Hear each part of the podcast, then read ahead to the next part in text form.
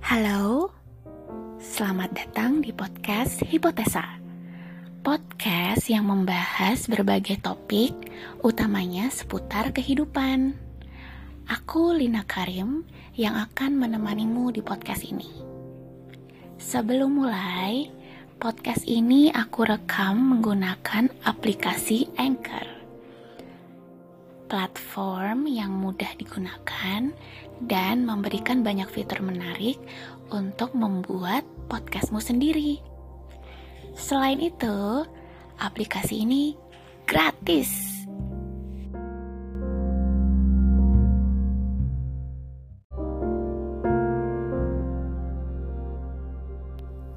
Pernah gak sih kalian merasa kalau apa yang kalian dapatkan, apa yang kalian capai, apa yang kalian sudah miliki, kok rasanya kayak kurang?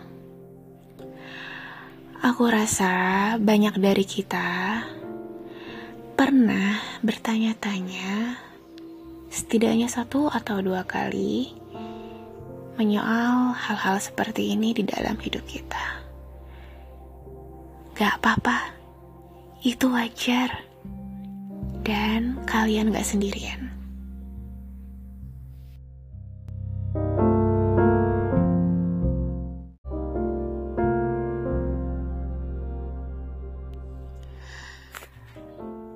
Kita sering merasa terjebak dalam perbandingan dengan orang lain, terutama di era media sosial seperti sekarang.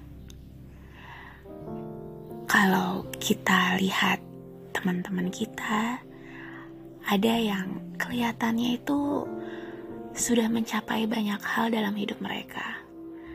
Sementara di saat yang bersamaan, kita sendiri merasa kalau hidup kita itu ya sama aja, kayak jalan di tempat aja gitu.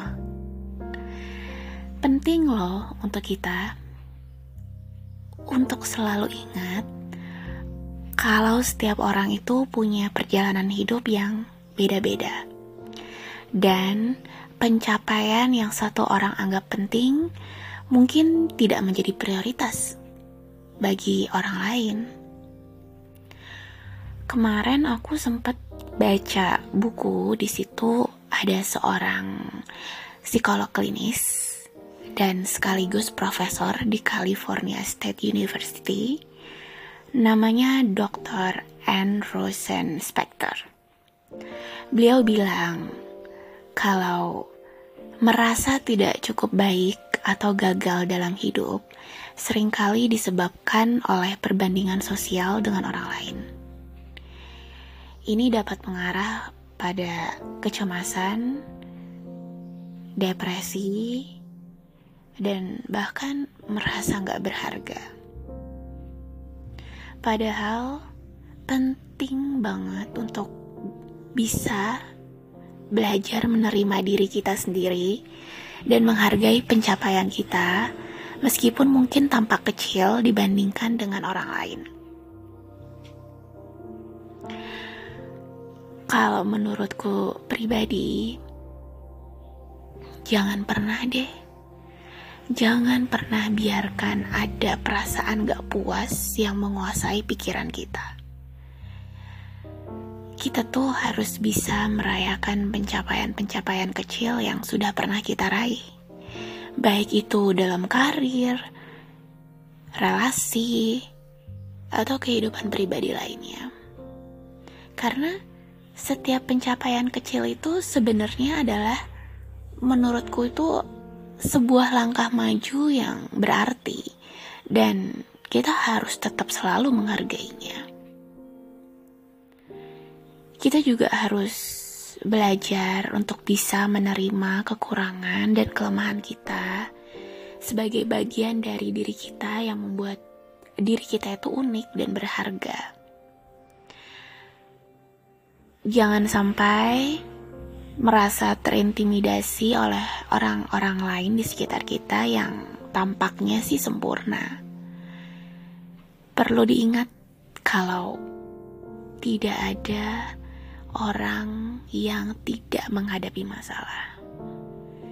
Jadi, di balik kesempurnaan mereka, pasti ada masalah-masalah dan tantangan-tantangan sendiri di hidup mereka yang bisa jadi mungkin lebih challenging dari apa yang pernah kita alami. berhenti membandingkan diri kita dengan orang lain dan fokus pada diri kita sendiri.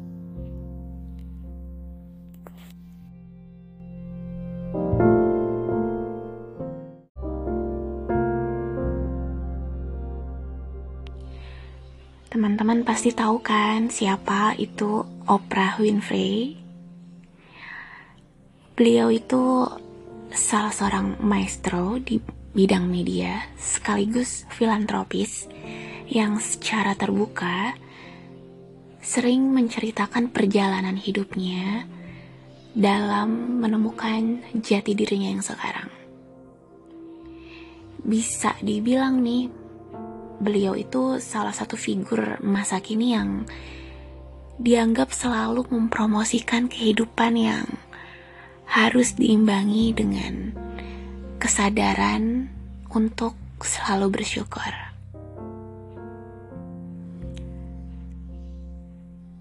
Oprah sendiri lahir dari keluarga yang sangat miskin. Selama enam tahun ia dibesarkan oleh neneknya yang cukup abusive karena ibunya itu sibuk bekerja. Ia juga sering diejek sama teman-temannya karena saking miskinnya itu sering banget menggunakan pakaian yang terbuat dari aku nggak ngerti ini kayak karung kentang. Kebayang gak sih? Saking miskinnya gitu selain itu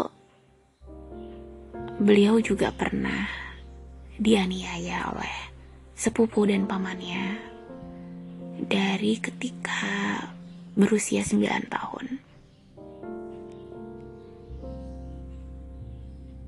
Di usia 13 tahun, bisa dibilang menjadi usia yang bagi beliau sendiri itu uh, usia paling penuh penderitaan sampai-sampai beliau harus kabur dari rumah. Sedihnya lagi, ketika mencapai usia 14 tahun, Oprah Winfrey pernah kehilangan bayinya akibat kelahiran yang prematur. Kebayang gak sih itu hidupnya gimana? Yang kita tahu kan beliau itu udah sukses ya, terkenal, inspiratif, pokoknya keren banget deh. Tapi gimana coba itu bayangin?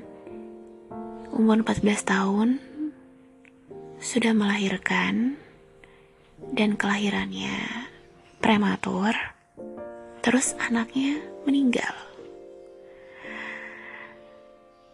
Sesulit itu, tapi Oprah selalu berusaha untuk membangun rasa syukur atas apa yang sudah ia dapatkan selama hidup. Jadi kalau aku baca dari buku uh, biografinya, itu menurut Oprah nih, uh, kejadian ke, demi kejadian yang sudah terjadi di kehidupannya sewaktu masih muda, itu membuat Oprah jadi apa ya? Jadi lebih mengenal soal kehidupan. Bagi Oprah itu kejadian ketika ia kehilangan bayinya untuk pertama kali di usia 14 tahun. Itu semacam menjadi titik di mana ia jadi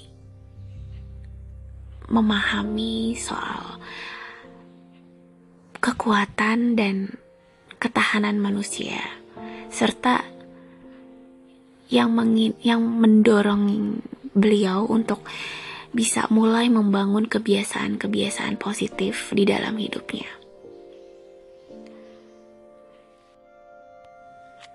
Praktik yang paling sering beliau sarankan itu sesederhana menuliskan pencapaian-pencapaian kecil yang membuat hati senang setiap hari sebelum tidur.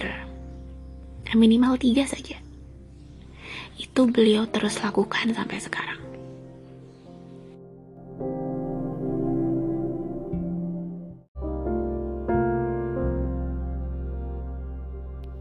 Jadi, mari kita mulai merayakan pencapaian-pencapaian kecil kita dan berhenti membandingkan diri kita dengan orang lain. Kita harus bisa menghargai diri kita sendiri dan merasa bangga dengan perjalanan hidup kita. Dengan merangkul keunikan dan bahkan kelemahan sebagai bagian dari diri kita, sebenarnya kita juga sedang membuat diri ini menjadi lebih berharga. Ingat-ingat, kalau setiap langkah yang maju, meskipun kecil, adalah suatu bentuk prestasi, dan kita harus bisa merayakannya.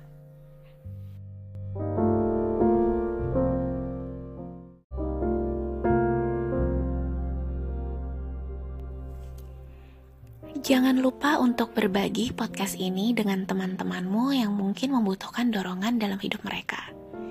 Kita semua bisa saling membantu dan mendukung satu sama lain dalam menjalani kehidupan kita satu sama lain. Terima kasih telah mendengarkan, dan sampai jumpa di episode berikutnya.